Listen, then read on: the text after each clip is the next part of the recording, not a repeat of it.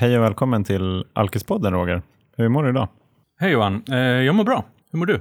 Jag mår väldigt bra faktiskt. Jag får ju eh, möjligheten att vara kvar här på kontoret efter arbetstid och Ja, eh, prata om Alkispodden-frågor.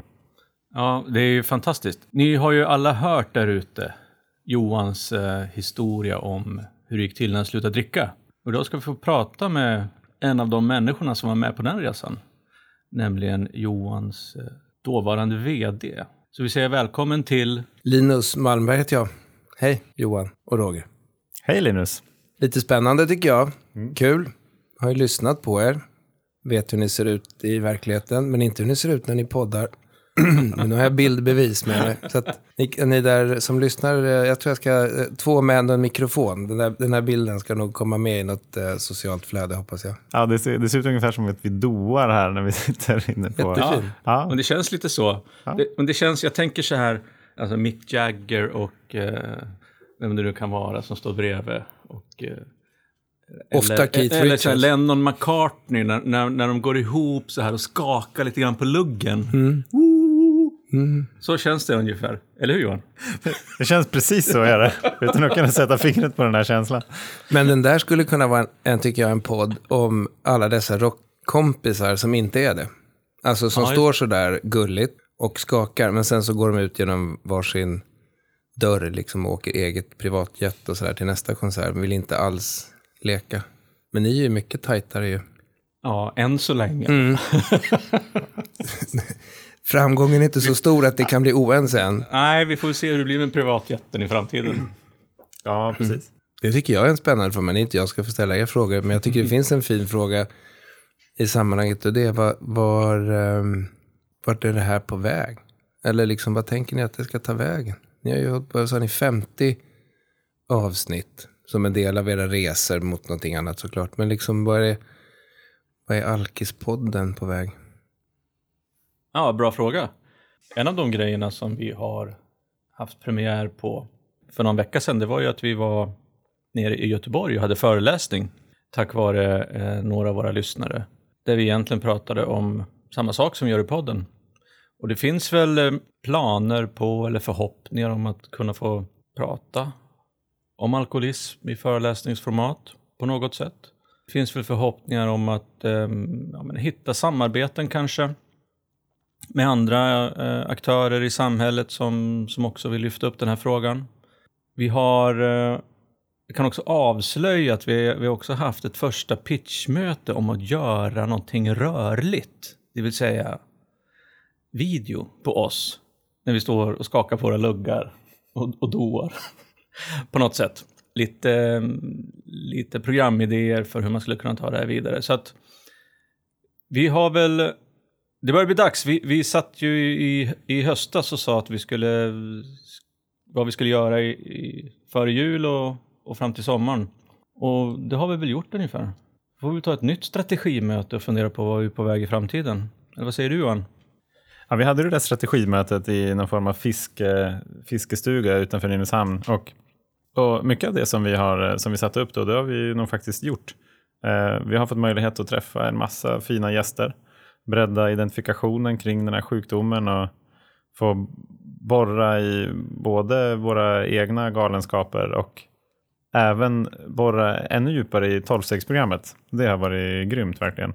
Jag eh, har ju någon form av, jag vet inte varför jag har fastnat så mycket för den här idén, men jag skulle vilja göra en krogshow eh, med, med Alkispodden eh, under arbetsnamnet Två alkisar på en parkbänk. Eh, vi får väl se. Det finns ju någonting, eh, på ett sätt så bryter ni inte med någon slags tradition som finns kring hela med programmet och sådär. Att, att det, det finns så rädslan för att eh, alla de här som berättar om att de har grejat det och risken för att misslyckas. Och många har liksom stått, eh, jag vet att ni har träffat Per ju. Som, Och det finns ju många andra exempel för risken för misslyckande. Om, du, om man överhuvudtaget kan använda skalan framgång och misslyckande. Men ni fattar vad jag menar. Men den här grejen av att, att eh, anonymiteten och det är, väldigt, det, för det är väldigt få som pratar på det sätt som ni gör. Av, av säkert av en rad olika skäl. Men jag, jag ser ju er som väldigt modiga. Ja, det är väl sjukt modigt att dra det där på krogen dessutom.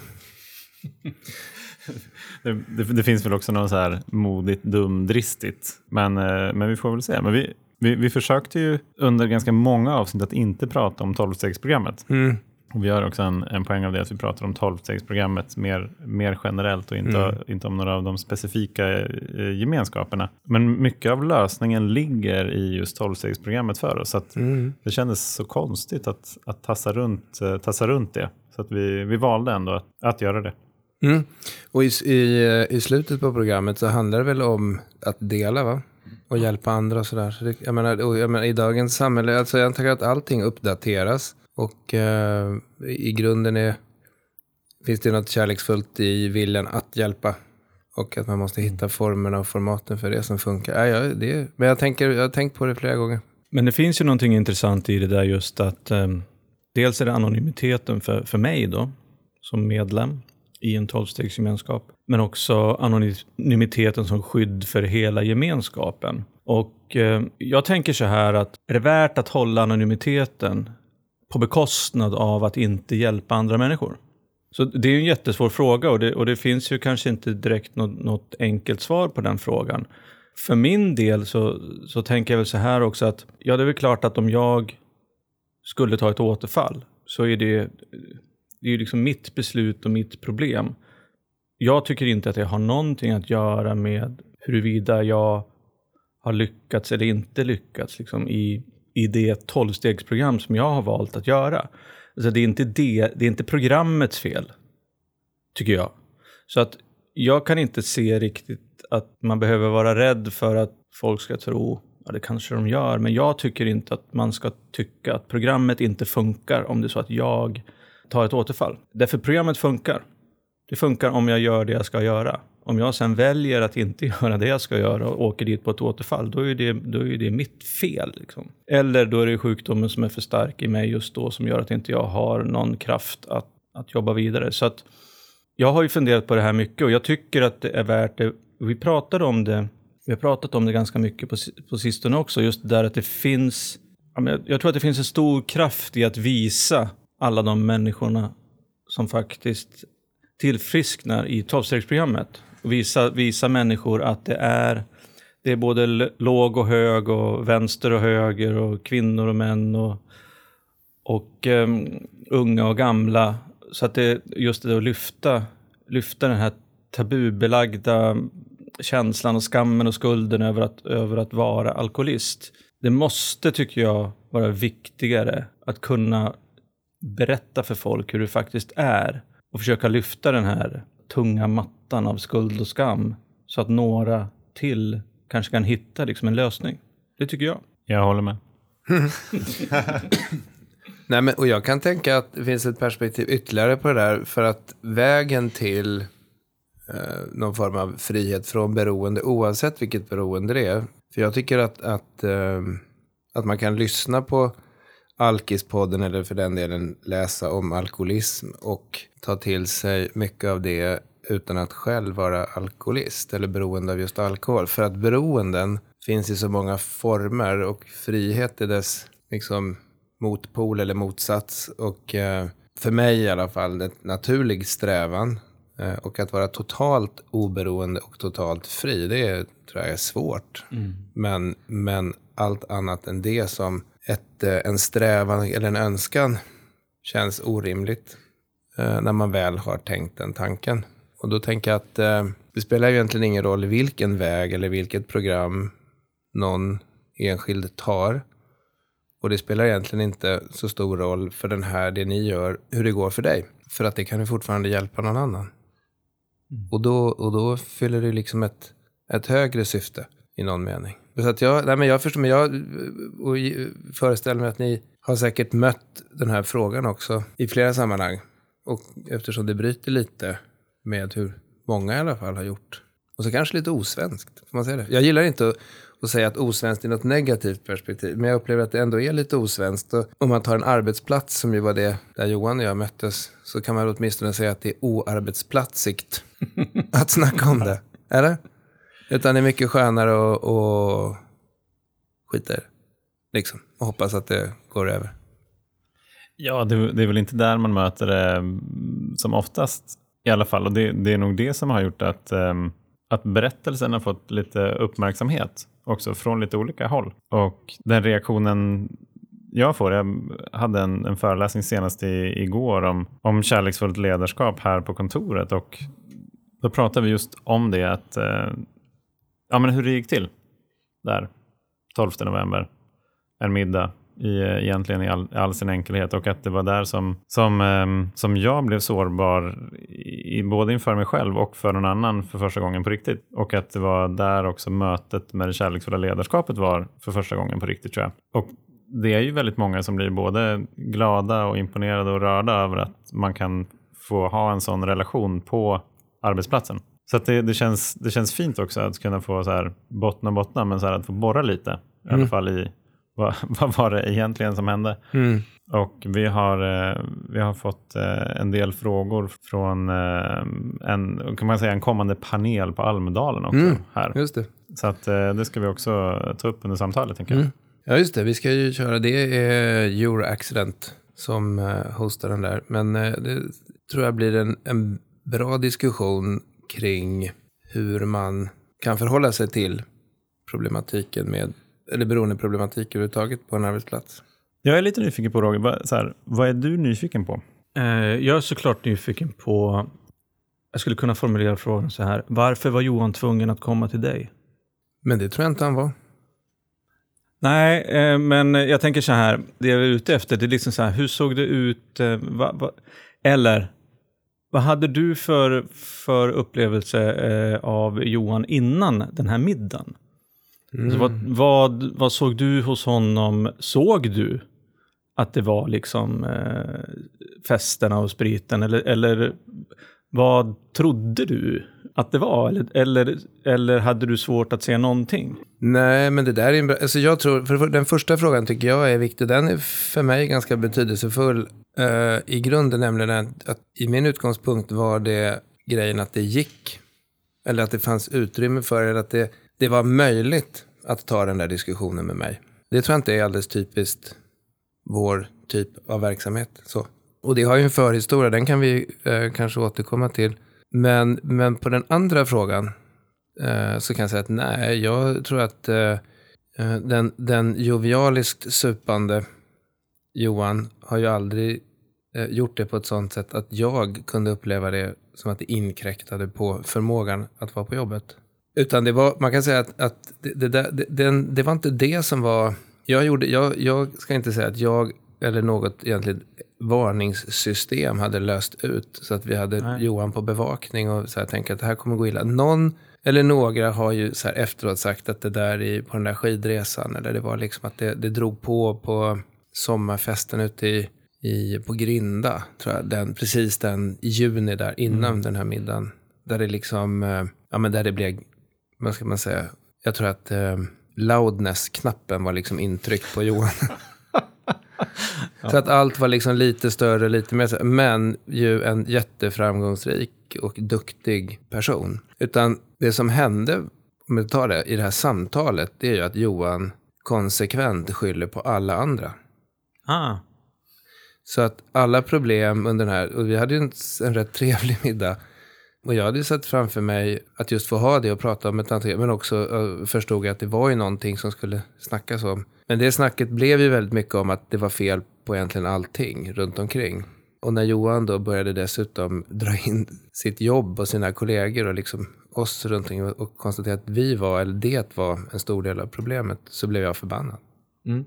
Spännande. Ja, och, då, och det triggade den här grejen av att, att uh, först är man ganska skön reptilhjärna, man är ju som sån också, på något vis. Och sen en, eh, någon slags desperation för att, för att eh, och det är väl egentligen hårfin balansgång mellan, vad ska man säga, kärlek och, och hat eller hur man nu ska uttrycka det. Men alltså den här, eh, det, det är ju en rädsla som slår i en, att jag ska förlora någon som jag både tycker om och som är viktig för mig, mm. eller för oss. Och, och, samtidigt förbannad för att liksom, den inte kan liksom, på ett schysst sätt förhålla sig till någon slags verklighetsbild. Så i alla fall så som jag uppfattar, eller inte kan nyansera, jag kan inte säga att jag sitter med den sanna bilden, men att den var väldigt onyanserad. Mm. Och sen så efter en liten stund in i det här så fattar jag, utan att det liksom, eh, utan att Johan redovisar, så fattar jag att det finns en helt annan problematik i botten för det. Mm. sen kunde inte jag säga vad den exakt låg någonstans. Men jag drog ju en, eh, jag tog en chansning Mm. kan man ju säga. Och så sa jag till Johan att jag skulle vilja dela min egen resa. Mm. Och att, jag tror att jag tr- tror att jag minns det så i alla fall, att jag bad dig lyssna, typ, liksom att jag skulle få dra den. Och sen så fick du värdera det liksom själv, vad du, om du kunde göra någonting av eller med det. Mm. Och där började samtalet någonstans. Kan du dela med dig något av den resan här i podden? Absolut. Alltså det, det är ju mitt, det är ju, jag tror att, att eh, vet inte om ni använder ordet omvälvande så, men, men synonymer till, liksom den här vägen till att eh, hitta sin, sin egen frihet från vad det nu är, den är ju på många sätt omvälvande ju. Och eh, den tog väldigt lång tid för mig att göra, även om inte den är alkoholrelaterad. Men relationsorienterad. Mm. Jag hade en lång, en lång resa. Den började egentligen för mig innan. Ja, det gör den väl alltid kanske för den delen. Men, men det, den började på något sätt innan ett program. Men det var inte förrän jag mötte ett strukturerat sätt att jobba med mig själv som det verkligen hände någonting. Så ett, ehm, en, en fyra års kamp på något sätt för att ta mig ut ett eh, väldigt eh, svårt och dysfunktionellt medberoende. Mm. Och den personen som gav mig verktygen och ja, men skrev mitt, mitt nya grundmanus, kan man säga så? Kanske? För liv. Alltså så här, som till, eller så här, rättare sagt, som hjälpte mig att ge mig själv rätten att skriva mitt eget grundmanus. Så ska jag säga. Skriva om mitt eget livsmanus. Och den kan man, tror jag, när jag sa det här med att, varför Johan var tvungen att, fast jag egentligen tyckte att det var möjligheten att, just tvärtom, så att det fanns liksom ett utrymme för och en tillåtelse till. Den kommer sig av att min kris, vilket ju inte är så konstigt om man är chef i ett företag med, liksom med anställda, så kom min kris att, att liksom slå in i, mitt, i min arbetsvardag också. Och till slut var den så pass akut att jag behövde dela den med alla här. Eh, eller alla kollegor. Och det var ju en av de, eh, en av de tuffaste grejerna jag har gjort. För att man är så väldigt rädd för att bli dömd. För att det är så väldigt svårt för någon som inte har upplevt det att förstå. Det vet ju ni också, Mm. eh, precis tror jag. Men jag upplevde att, att det fanns en, eh, en, en, en, även om man inte förstår, så fanns det en ganska stor beredvillighet att respektera eller förhålla sig till den sårbarhet och utsatthet som, som jag befann mig i.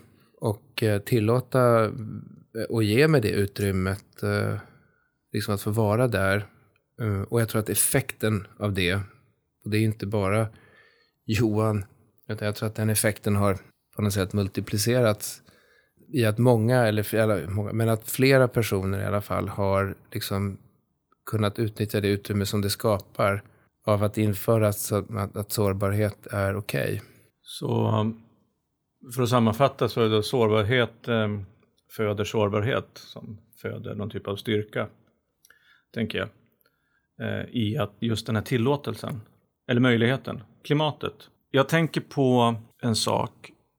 Jag, eh, när jag slutade dricka så var ju jag en av två huvuddelägare i en reklambyrå.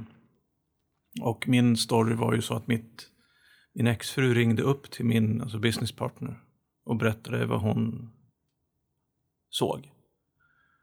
Och då kapitulerade jag. För att jag hade ju dolt allting för alla. Vi var ju inte så många då, vi kanske var 15. Men det som är, alltså det luriga med det här som vi kanske kan gräva i lite grann, det är så här.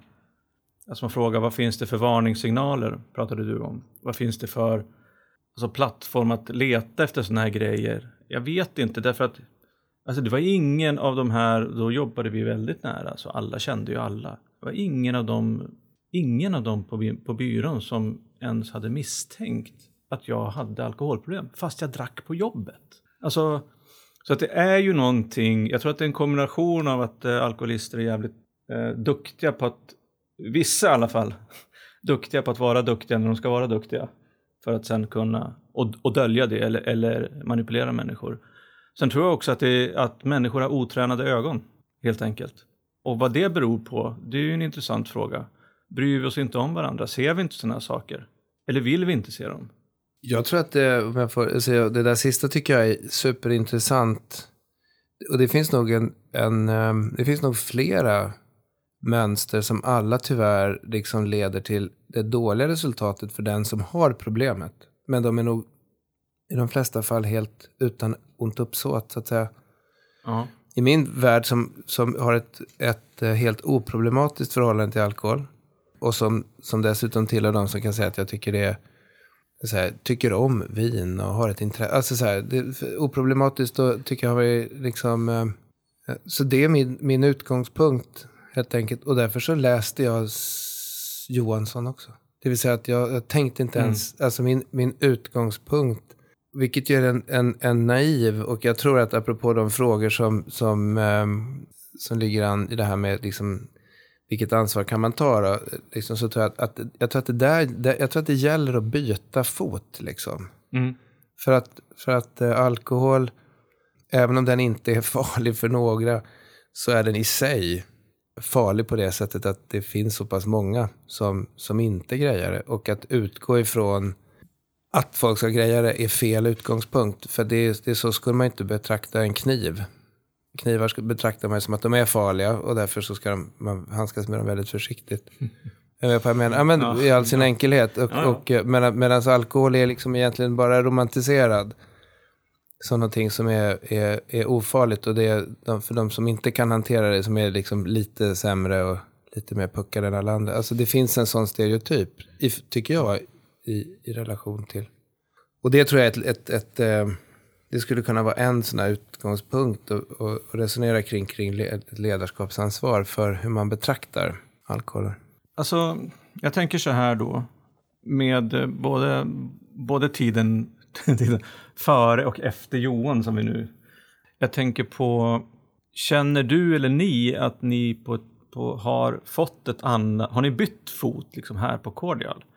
Så jag tänker på, finns det liksom ett annat sätt att se på människor och liksom försöka se förbi kanske prestation och yta och sådana saker? Vad känner ni? Jag tror också Johan, eh, alltså, det, det här är ju en jättebra liksom, kontrollfråga, eller vad man ska säga. Alltså, det är så här, har, det, har vi tagit det här någonstans då?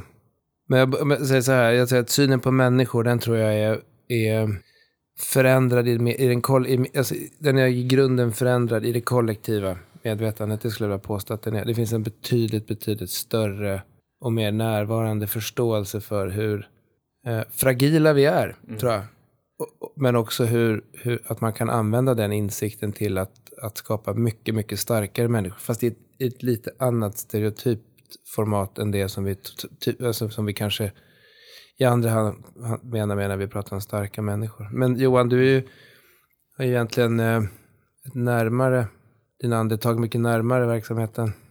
Ja, men jag tror ju, alltså om man, om man backar bandet tillbaka till det där. Jag kommer ihåg det där mötet där du var, eh, vi hade ett kordialmöte och så berättade du lite om, om resan, om beslutet du hade tagit att, att eh, du skulle vara ledig en tid för att hantera det som skulle behöva hanteras och, och ja, men hur, hur, hur Cordial skulle skötas under den tiden. Och så delgav du lite om vad du hade varit med om och vad du, vad du såg framför dig. Jag tror att jag inser nog det nu, men att det öppnade upp så extremt mycket. Det var, ganska, det var ändå en, en, en bra bit innan vi sågs för den där middagen.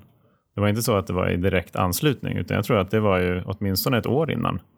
Ett och ett halvt kanske. Och bara där ser vi värdet av att det finns ledare, chefer i en verksamhet som, som vågar vara sårbara själva. Eh, vi vet aldrig vilka, riktigt vilka ripple effects det där får faktiskt. Jag menar, det, är- det, det är flera här inne på KDL, mig inklusive, som, som, har tagit, eh, som har tagit sig igenom kriser, som har tagit kliv i sin, i sin utveckling. Som, tror jag i alla fall, som ett, som ett led i, i det. Och i takt med att vi blir fler som på något vis vågar, vågar möta oss själva som vi kanske inte riktigt har vågat. Jag menar, vi, vi ska också säga så här att vi är i en, i en bransch som karaktäriseras av hög prestation. Det är, det, det är många som, eh, tror jag, som, som också kämpar med, eh, vi har pratat mycket om så här, självförtroende, självkänsla. Att det är lätt att falla in i prestation och boosta sitt självförtroende. Men flera av oss kommer till en punkt där det där inte riktigt funkar något mer. Och när vi då har skapat den trygga miljön här, där det faktiskt är okej okay att inte vara en superman, och vi kan hjälpa varandra igenom det, då ser vi också, vi ser, vi ser ju grymma affärsaffekter effekter av det också i Cordial. Vi ser människor som vi ser människor som växer, som mår bättre. Jag, menar, jag har ju fått ett helt annat liv i grund och botten. Och med det givetvis så utvecklas jag också i min roll som, som rådgivare, som ledare. Jag gör garanterat ett bättre jobb ute hos mina kunder i och med det. Så att jag tror också definitivt att våran, vår kollektiva bild av liksom hur vi ser på oss själva och vad som, är, vad som är styrka och vad som är svaghet, den har förändrats. Och jag upplever också att vi är närmare att prata om det som är jobbigt. Inte att vi gör det kanske liksom med, med vem som helst, men jag upplever att det är, det är fler, om inte alla, som faktiskt har någon som man, eh, som man kan eh, verkligen anförtros åt. Och det gör att vi får upp, eh, vi får upp de sakerna på bordet som vi behöver hantera i våra projekt. Det som vi behöver hantera i, i våra team och det som vi behöver hantera i ledningsgruppen på KDL också. Så på något vis så skapar det där, det skapar förutsättningar för att ha ett, ett funktionellt ledarskap på alla plan, inklusive ledarskapet av mig själv, tycker jag. Mm. Jag tycker det finns en, en, eh, en tanke som vi har haft som, som jag bara så vill ventilera, som kanske eh, kan komma tillbaka. Eller, men, men det här med att tanken på att använda arbetsplatsen som ett tryggt ställe för att hjälpa, eller att det är liksom som en utvecklingsplats för människor att ta tag i sig själva. Den har ju på något vis varit att det ska man ju inte göra där. För att på arbetsplatsen ska man ju ha, alltså man ska, på något sätt, man ska ordna till livet eh, utanför arbetsplatsen för att komma till jobbet och vara sjukt bra på att prestera där. Men jag kan ibland känna att, att eh, egentligen så finns det nästan bättre förutsättningar för att fixa till grejer på arbetsplatsen för att gå ut och prestera och vara liksom en, en större eller bättre version av sig själv i allt annat. Därför att man kan begränsa omfattningen och konsekvenserna av att ta upp. Man kan liksom välja en bit av sig själv och börja jobba med på jobbet. Och den där tanken har ju, liksom, har ju vi närt lite grann. Och jag kan fortsätta tycka den är, att, den, att det finns, men, men det är ju så att det är att ta naturligtvis väldigt många kliv i en organisation. Men man kan liksom tänka sig att man nästan kan sträva dit. Och sen så finns det, och det var min tror jag, led in i det där, liksom att inte skapa en prestationskultur kring den här frågan. För det är ju väldigt lätt att det blir det också. Hur tänker du då? Ja men alltså, uh, så här, men ni, ni har ju, uh, men, tillåter mig att så här, raljera lite över er då. Så här, ni ska göra världens bästa alkispodd såklart. För det ligger ju helt i er natur. Mm. Eller? Alltså, ja, ja. ja. Så att det, det räcker inte och det är krogshow och så. Alltså så här, liksom, egentligen är ju det där för den flesta och kanske allra mest sunda förhållningssättet säga så jag ska må bra och eh, bli frisk liksom. Och sen så fortsätta. Men, så, och jag säger inte att det är, på, det är inte menat som någon kritik. Jag menar bara att, att en sån här miljö så är det väldigt många människor. Och det har du också. Alltså vi har ju alla tre vistats i, i princip bara i sådana miljöer största delen av våra liv. Så det är liksom väldigt lätt att, att man lägger på ett, ett prestationsvillkor på att man ska bli så jävla bra på att utvecklas också. Och bli jävla bra på att må bra och bli bra på tillfrisknanderesan ja. och bli bra på möten och bli bra på... Och det där är... Där tror jag liksom att ska man, skapa, ska man, man få till det, nu, få till den där grejen av att, att jobbet skulle kunna få vara ett litet utrymmesplats eller ett andningshål eller liksom en escape zone lite grann. Då tror jag att man, då behöver man också ta ner det där, låta människor vandra in i det där i sitt eget tempo och så. Som är någonting annat än akuta problem, det vill jag säga också. Det är klart att, att upptäcker man att någon har problem behöver man ju ha ett, ett, någon form av system som tar hand om det. Men, men så här, ja, jag tror att ni fattar. Jag fattar. Jag tänker att, att det, det är ju väldigt svårt, som, precis som med många andra grejer i arbetslivet, att hitta någon typ av balans mellan, mellan alltså ta hand om folk och leverera resultat beroende på vad man faktiskt blir mätt på. Alltså vilka KPI som finns liksom för både en själv och ens avdelning och teamet och, och, och bolaget. Min erfarenhet av att jobba med kommunikation det är att, att så länge det som kommuniceras inte är viktigt på balance scorecard så finns det inte. Och det är lite samma sak med kanske sådana här frågor också. Och det är ju frågan om vad är det då som ska vara, vilken är KPI? Liksom? Är det att vara frisk eller att må bra eller ha kul eller att vara nykter. Så lite, lite grann vi har pratat om och Johan har pratat om en del liksom så här nyktra organisationer. Hur är man då? Och, och, så det är ju en jättespännande, jättespännande fråga liksom att, att kunna egentligen pinpointa vad fan är det egentligen som man försöker uppnå för någonting. Den andra grejen jag tänker på det är så här att är det så, jag tror att du har pratat om det här förut Johan, är det så liksom att organisationer också måste slå i botten innan de kan tillfriskna? Jag tänker på, och i, bara i, i era fall, eller Cordials fall, så tänker jag att det är, det är nyckelpersoner som har liksom visat sårbarhet och gjort förändringar, vilket gör att klimatet i företaget per automatik, eftersom det är nyckelpersoner då, som, som människor både förhoppningsvis ser upp till och tycker eh, gör bra val, att, att klimatet förändras automatiskt. Men det jag funderar på, det är så här, om inte Linus hade slagit i botten, eh, om inte du hade gjort det, liksom, det är så här, fortsätter då karusellen bara snurra tills det går åt helvete? Om det inte finns liksom utrymme att, att ta hand om, om, om sina grejer på jobbet, alltså för hela organisationen. Jävligt jobbig fråga, men, men eh, ni kan väl eh, Får ref reflektera lite över den. Jag gör ju en annan podd som heter Catch-up-effekten. Och rent terapeutiskt är det sådär, så är jag helt med på den här eh, att man måste ner på botten. Liksom. Jag kan berätta om min egen botten. Och det var eh, han som hjälpte mig eh, när jag var som absolut mest skyddslös. Eller jag kände mig som absolut mest skyddslös. Och han hade lovat att det fanns någonting större än Gud. Eller det spelar egentligen inte så stor roll vilket begrepp man använder. Men för mig funkade det begreppet. Även om jag liksom aldrig har definierat mig som klassiskt troende så funkade gudsbegreppet som det där större. Och då sa han att han, han hade liksom sagt på mig att jag inte skulle vara så rädd. handlade, mycket av mitt liv handlade om rädsla. Rädsla för att göra bort mig, rädsla för att inte prestera, rädsla för att och så vidare. Rädsla för att bli straffad, inte minst. Och då sa han att jag skulle inte behöva vara så rädd. Jag skulle kunna lita på att den här goda kraften på något sätt fast strax in till mig sådär. Och så fortsatte vi att prata och då så sa jag det att det var efter en period där jag tyckte att ingenting, jag slet som en varg för att komma någon vart och kom ingenstans. Och såg inte heller att jag fick så mycket tillbaks av allt det jag petade in. Det var, liksom, det var jävligt jobbigt. Eh, och då sa jag det till, eh, till Micke, att, att jag sa att när jag, när jag vänder mig bak så ser jag bara mina egna spår. Jag, det, jag kan inte se, jag ser inte att han finns där. Utan jag känner mig sjukt ensam där jag går. Och då säger han, men det är inte så konstigt.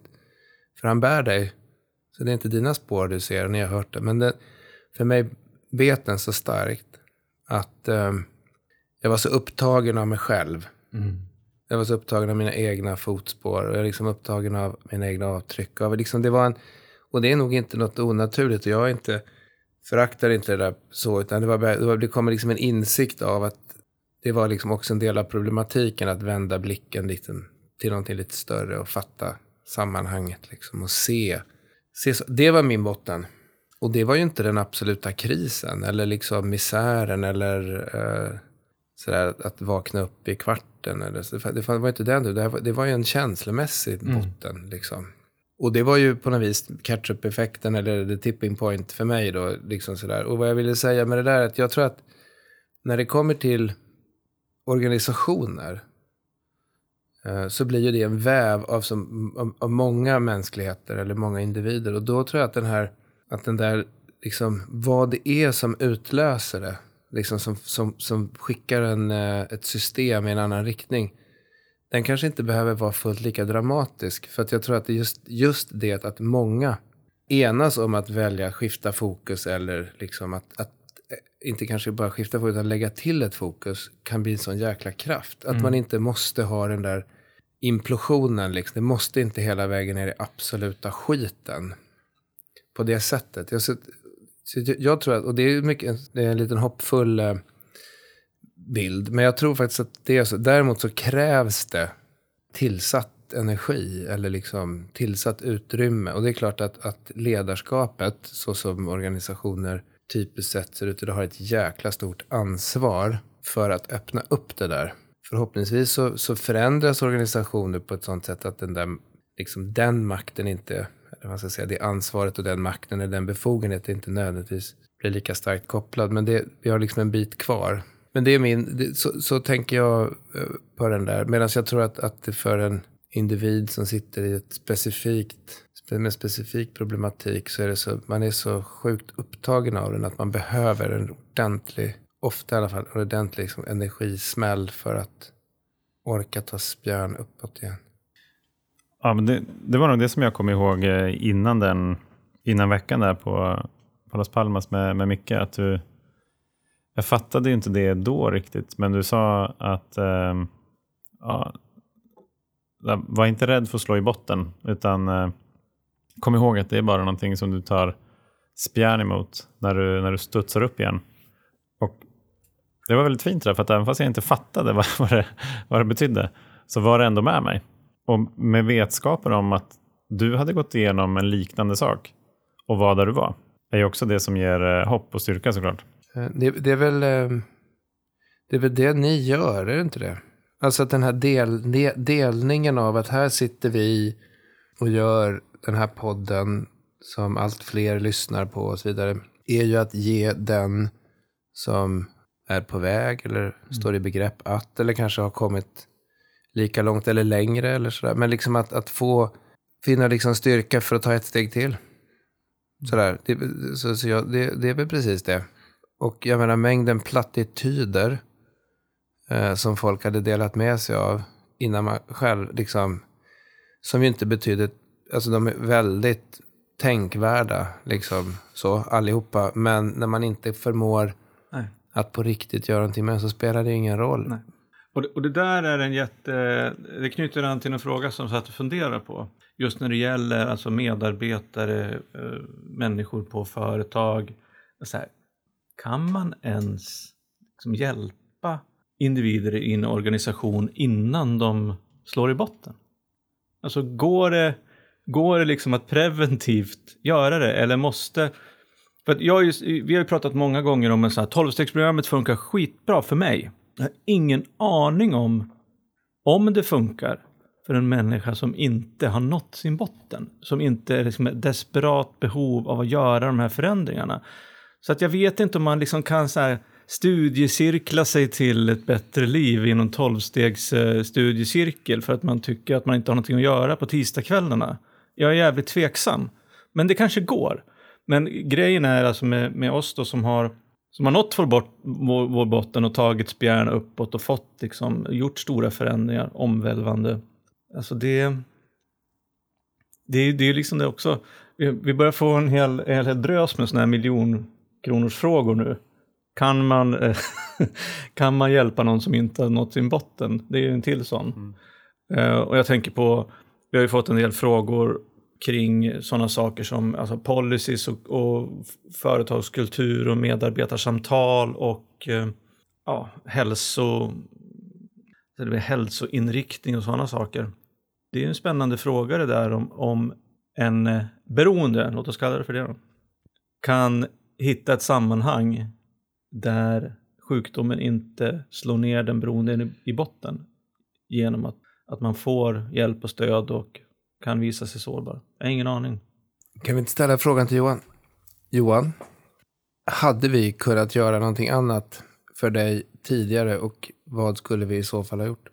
Jag, jag tror ju verkligen inte det. Jag, jag fick, eh, jag fick faktiskt den frågan av, av en kompis som jag, som jag pluggade med i Japan också.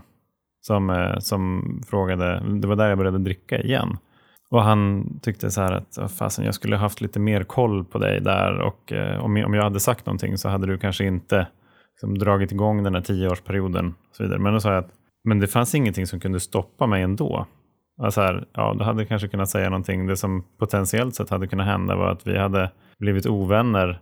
Jag hade blivit förbannad och jag hade tänkt att du kränker mig liksom, med, de här, med de här frågorna för att jag hade fått igång den, den mentala besattheten ändå. Jag tycker generellt att vi inte ska vara så rädda för att slå i botten. Jag tror att det är nog en av de största gåvorna jag har fått. Och att då på något vis eh, att försöka så här, rädda upp det där eh, från att inte slå i och faktiskt lära sig någonting. Att få, få de här konsekvenserna som gör att jag kan lära mig av mina egna, inte av mina egna misstag kanske, men att, att mina handlingar får konsekvenser för mig som är så pass stora så att jag själv orkar göra en förändring. alltså det, det tycker jag snarare någonting vi ska, ska uppmana. Du, du sa ju på skämt här för några månader sedan att så här, hur, hur, hur skulle man kunna få andra att eh, här, hur, hur, ska vi göra målen ut? Ska vi få alla att bli aktiva alkoholister och sen så att de slår i botten? Eller så här, hur ska vi göra? Ja, det, det är liksom ett, ett, ett sätt att göra det på. Det är kanske är lite kontroversiellt, jag tror inte vi ska göra det. Men, men jag, jag, jag tror att vi, ja, men som sagt, inte ska vara så rädda för att slå i botten. Men att visa att vi är där om det händer. Och att, också, och att vi också lyfter upp eh, de exempel som, som finns på det här hände. Dela med sig av berättelsen när jag slog i botten och vad gjorde jag då? Vad har jag lärt mig och vad gör jag nu annorlunda? Så att jag, jag tror inte att, att Cordial med liksom någon annan eh, alkoholpolicy skulle ha kunnat eh, liksom göra någonting. För att det var, det var inte drickandet på, på jobbet. Drickandet liksom på, på, en, på en sommarfest eller en julfest eller något sånt där menar, det var ju en, om man nu pratar alkohol kan vi prata promille då. Det var ju en promille av, av drickandet. All, liksom det, det stora missbruket var ju inte där, det var ju på helt andra ställen. Och, och jag tycker att en annan poäng som är värd att lyfta upp, i vart fall ur mitt perspektiv, det är så här att det är inte det är inte alkoholen i sig som, som på något vis gör att jag är alkoholist.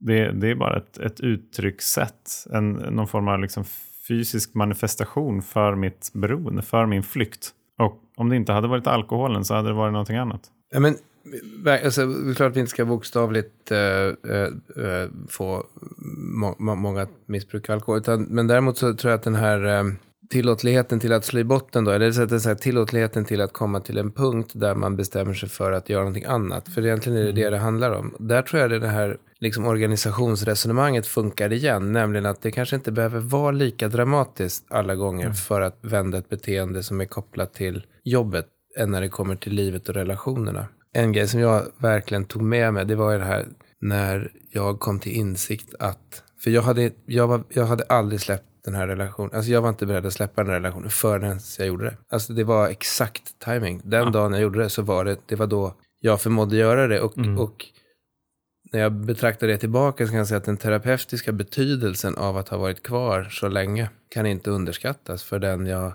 kunde bli sen.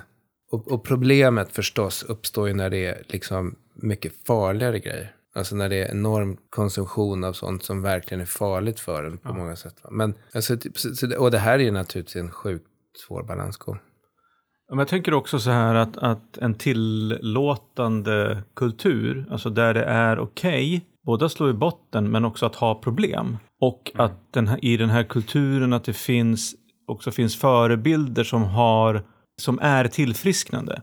Det gör ju att jag, om jag skulle liksom börja liksom åka ner för någon nedförsbacke, oavsett vad det kan vara för typ av problem, så vet jag att Nej, men på jobbet är det okej okay att må dåligt, det är okej okay att ha problem. Och jag vet också att det är flera som har haft problem, slagit i botten och nu är på väg upp och mår jättebra. Så att kanske skulle man, kan man skruva tillbaks den här slå i botten klockan något. Men jag tror också precis på det som du säger att man är fan inte redo förrän man är redo alltså. Och vissa blir ju aldrig redo.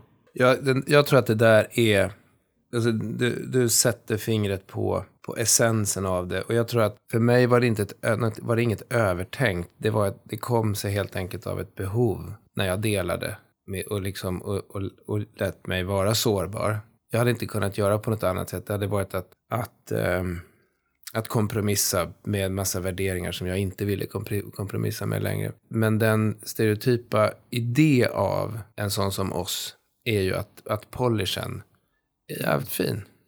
Eller, jag hade ändå så uppslag i någon av heminredningstidningarna kort innan. Och, alltså liksom hela den ytan. Och jag ska säga att jag lägger ingen negativ värdering i det där i sig. Problemet är att, att om det bara är den där glättiga jävligt sweeta ytan, om det bara är den som finns och att, att normen sätts där och att det inte är tillåtet att... För grejen är, och det tror jag vi har snuddat vid flera gånger nu, det är att genom de här kriserna så går man ju ut till någonting mycket bättre. Mm. Både som individ och som organisation. Så jag menar, när vi tittar på våra framgångsrika, våra framgångsrika ledare, men ta en Steve Jobs då. Så liksom att, att tro att det var ett liv på en ett, eh, på en, liksom en skön, friktionsfri Så, eller hur? Det, det, har det är omvittnat. Misslyckanden, privata krafter. Alltså det fanns ju hur mycket, hur, hur mycket skit som helst. Men vi väljer att, att eh, eller väljer, det, det, vi,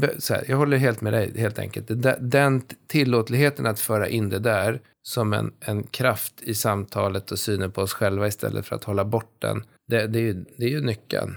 Det är jag helt övertygad om. Och det vore ju häftigt om några av, av de nu levande namnkunniga på liksom lite närmare avstånd runt omkring oss som vi ju vet, inte för att jag vet precis vem, men jag vet ju rent statistiskt, att, att de finns. Att man skulle kunna få förebilderna. För att jag tror att vi behöver, vi behöver dem. Ja, precis. Jag, jag tänker ju, det slår mig att vi som organisation kan ju egentligen bara tillåta oss själva att vara mänskliga. Och det, och det på något vis slår mycket, mycket högre än införandet av specifika policies eller kontrollfunktioner eller att, eller att införa rutiner. Men vi, vi har, eh, en av frågorna är så här, om man måste ta samtalet, hur gör man som chef? Och jag tror att jag tror att det samtalet som vi hade, det var ju, alltså jag själva samtalet, själva samtalet i sig var ju viktigt, men det var ju det, liksom 90 procent av samtalet var ju det som på något vis hände innan. Och det var ju bara så här möjligheten att vi kunde sitta där och ha det där samtalet som jag inte ens visste att vi skulle ha. Så att som, som chef eller som ledare så tycker jag att det är extremt viktigt att, att, vara, att vara mänsklig själv. Att vara inbjudande till att, eh, till att visa att att de anställda eller medarbetarna också får möjlighet att vara det, oavsett vad det är för någonting man sitter med. Sen så finns det liksom frågor om så här, alkohol, policy, julfester, företagskultur, så här, hur man firar segrar och så vidare. Hur tänker du där Linus? Ja, jag tror att jag har en ganska klar uppfattning. Och den är så här att, att um, jag vet inte om knivexemplet är något bra, men, men liksom om man, om man så här, med, respekt handlar ju om att fatta grejer. Eh, så det är svårt att förstå om jag inte, eh, liksom, om jag, inte blir upplyst är det svårt att förstå. Så jag måste ju liksom få lära mig någonstans. Så om, om vi förstår att det som för mig är helt oproblematiskt kan vara ett jättestort problem för någon annan så kan jag ju anpassa mig till det utan att vi behöver kränka varandra. Det vill säga, för den som tycker att det är ganska härligt med ett glas bubbel på, eh, så här, som in, en inledning på en, på en julmiddag så ska väl inte det vara sånt att det behöver vara liksom förbjudet för att det finns de som, som inte kan hantera det där. Men det kan inte heller vara tvärtom. Alltså det, det, och, och då får man tänka sig, vem är skyddsvärdaste objektet i det här? Är det liksom, är det de, eh, så här, kulturen av att vi ska få kröka loss eller är det liksom för att vårda de som har svårt att förhålla sig till det där? Och då tror jag att det är så här att över tid är jag helt övertygad om att man kan ha en kultur där den här respekten finns och alla omfamnar den. Och det betyder att, att man hittar en nivå som, och den, den kan ju inte fastställas i, en, i någon här och nu manual som gäller för alla organisationer, för så enkelt är det ju inte. Men jag tror att, att det måste dit hän först, det vill säga att, att det etableras en, en genuin förståelse för den här, liksom, för de utmaningar som det för med sig. Alltså man kan helt enkelt inte med blåögt naivt bara liksom tuta på och tro att det går att, att köra alkoholspåret utan att vara medveten om att det finns någon som inte grejer det. Och sen måste man ju jobba med, med utgångspunkt från hur den verklighet som man själv befinner sig i. Det är min, liksom, eh, det är nog så här, min grundplåt till det där. För, det, för, för, för är det respekt åt bara det ena hållet så kommer den aldrig hålla över tid. Jag tänker så här att jag håller med att, eh, att det är det kan vara viktigt och det kan, det kan vara bra, det är bra, kanske med respektfulla, kärleksfulla policies och förhållningssätt. Men det kommer ju inte göra någon skillnad för mig som alkis. Det spelar ingen roll om det är en nykter julfest. Jag kommer vara full ändå. Det spelar ingen roll om jag är nykter på julfesten. Jag kommer slänga in mig två flaskor vin när jag kommer hem. Så att så det är ju lite som ett tveeggat svärd det där att eh, nästan lite grann som jag parafraserar det där att vad fan, bjud på ännu mer alkohol.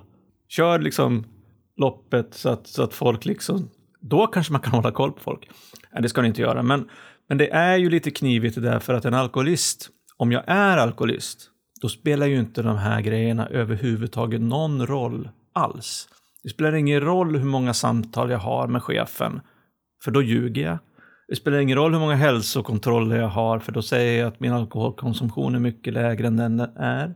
Det spelar ingen roll hur nyktert eller hur mycket sprit det finns på julfester och sommarfester eller om jag kommer eller inte kommer på AWn. Alltså för att är jag alkoholist så kommer jag ändå dricka.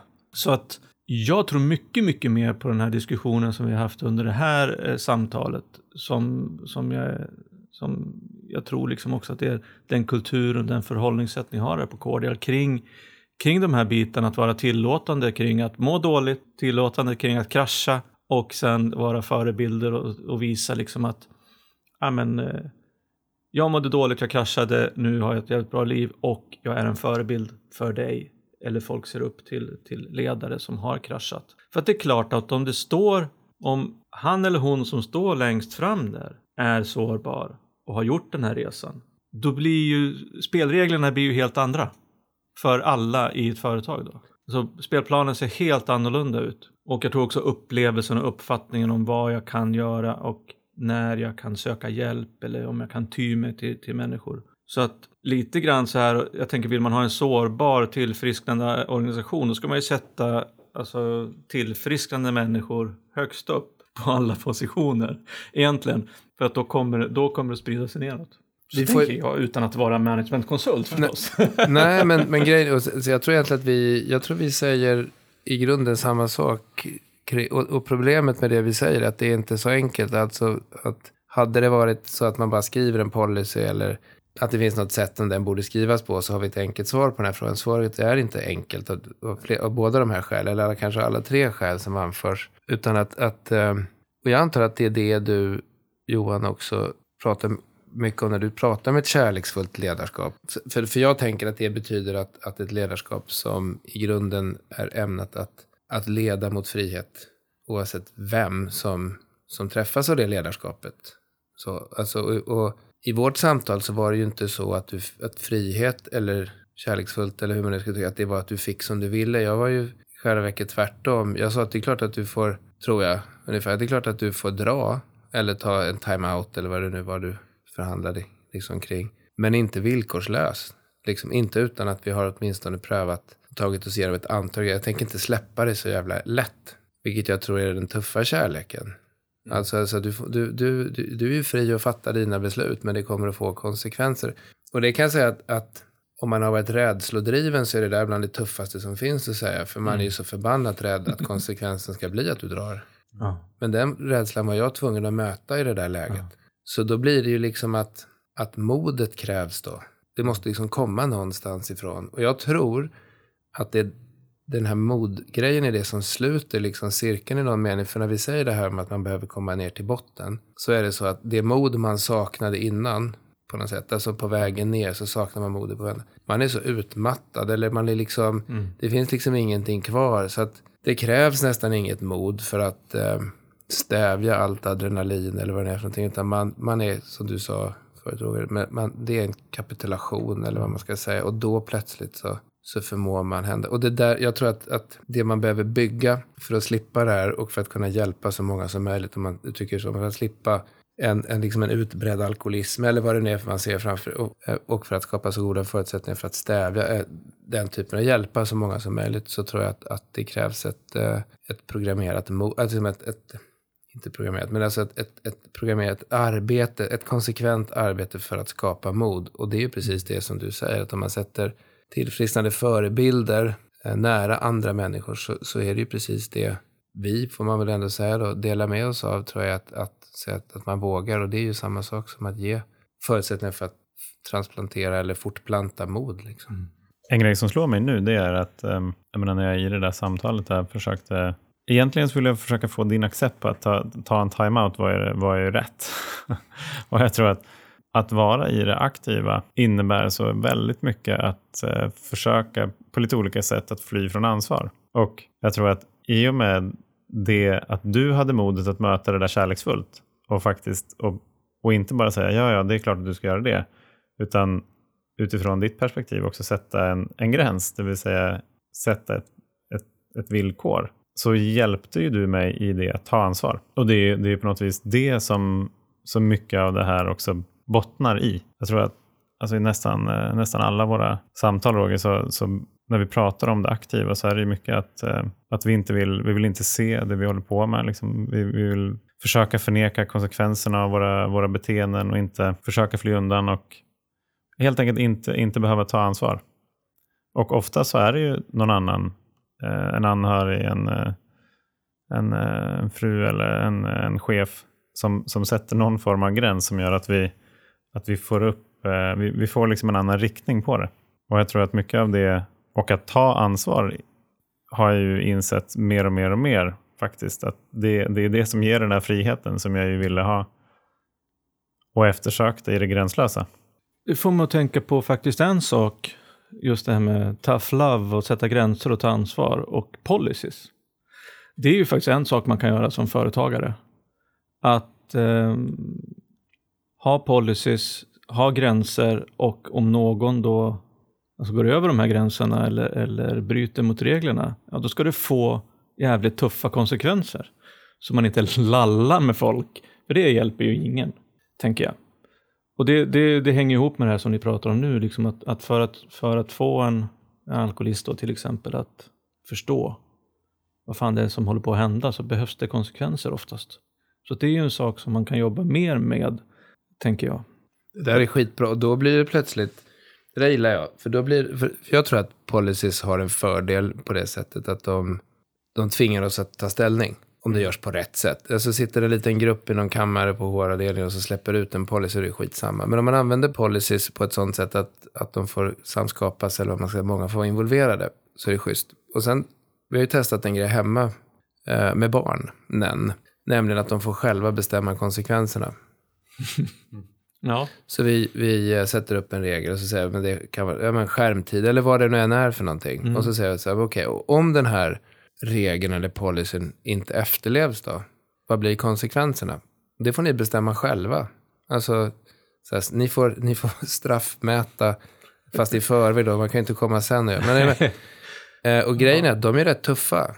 Ja. Alltså det är inte så att då är man ju plötsligt, man är med och fastställer regel, man har pratat om varför, för att det är så här, och sen så får vara med och definiera konsekvenserna samtidigt. Så blir det tuffare eh, pålagor än vad man kanske hade vågat klippa till med som förälder.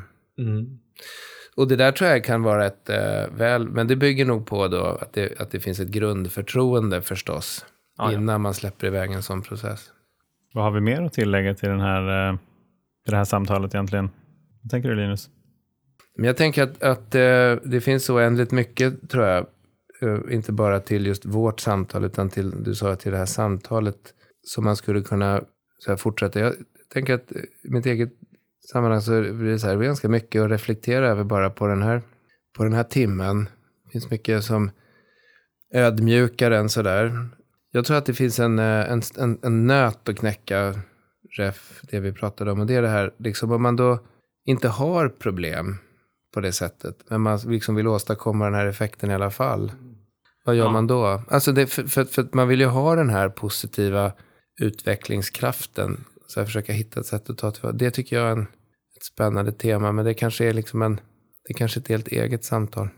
Nej, det är ju spännande. Vi vet ju inte ens om det funkar. Och, och med tolvstegsprogram om man inte eh, är beroende, och vad ska, vad ska man då göra? Men eh, jag tycker att det har varit jätte, jättekul att prata om de här grejerna.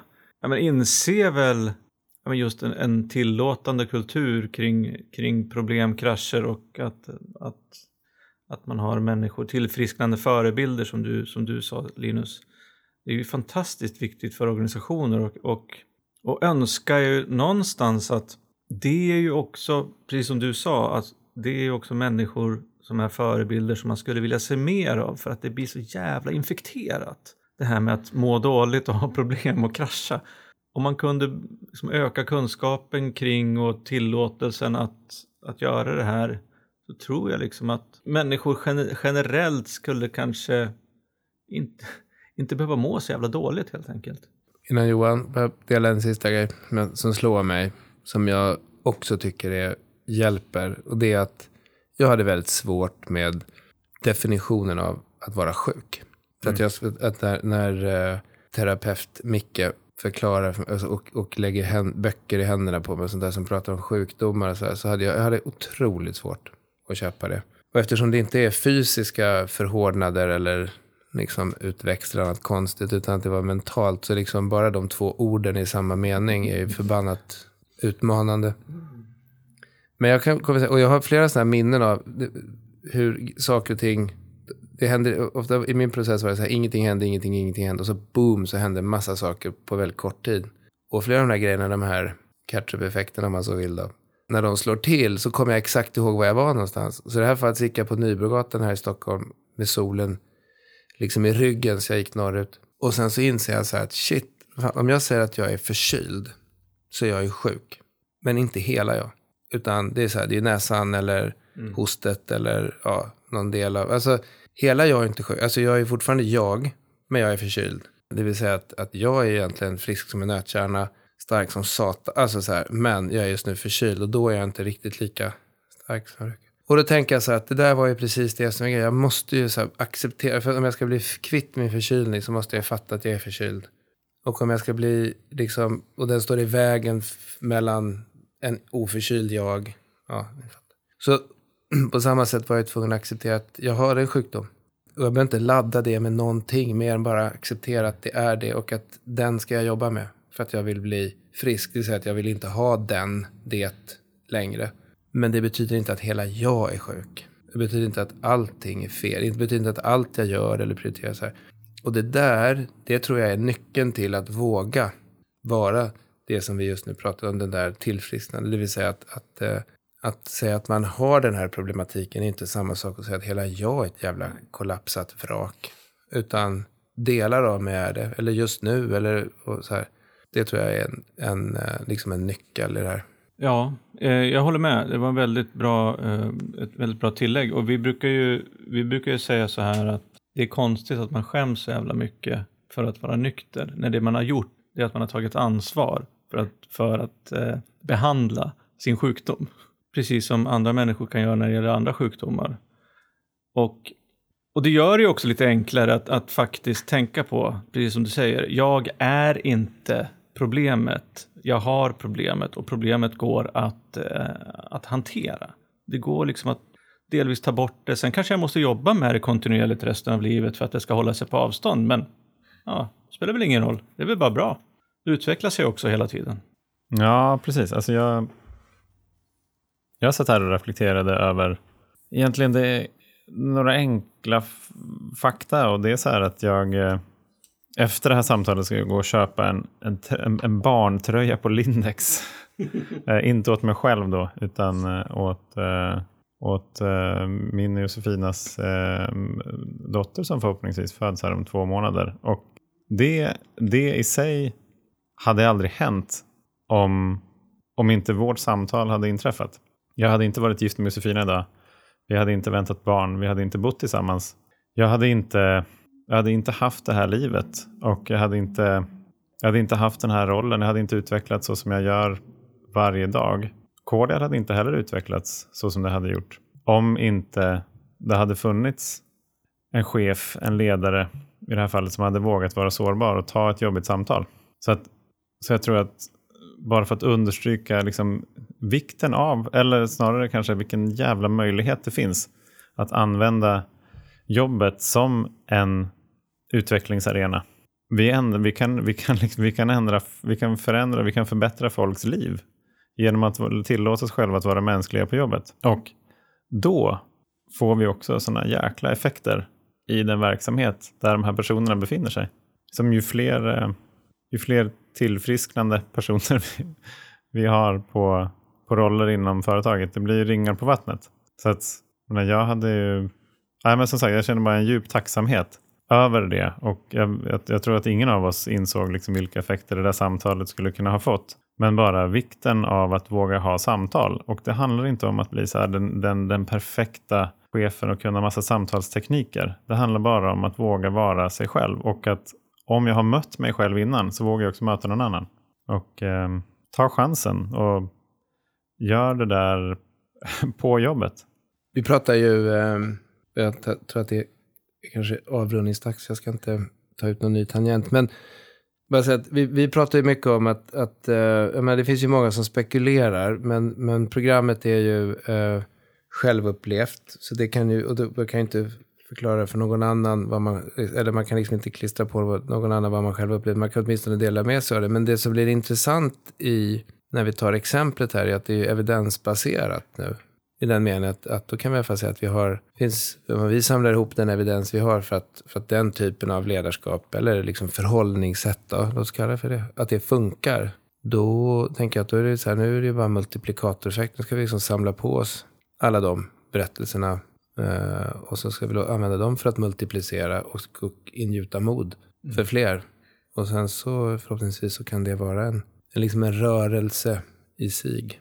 Så det är fint. Och den, jag menar, den lilla, du sa det och du skrev till mig fint att eh, det var ett samtal som började i, liksom, i format av ett frimärke och kom att liksom bli en hel bordsduk allt eftersom kvällen gick. Och sen så har liksom, finns det inga gränser för hur stort det där samtalet liksom kan tillåtas sträckas ut. Och jag tänker att eh, det är lite som de där fjärilsvingarna någonstans som drar igång en mycket större grej. Att, att man kan skapa sjukt mycket energi. Så jag är glad att få, få vara en del i ert delande. Så det vill jag säga tack.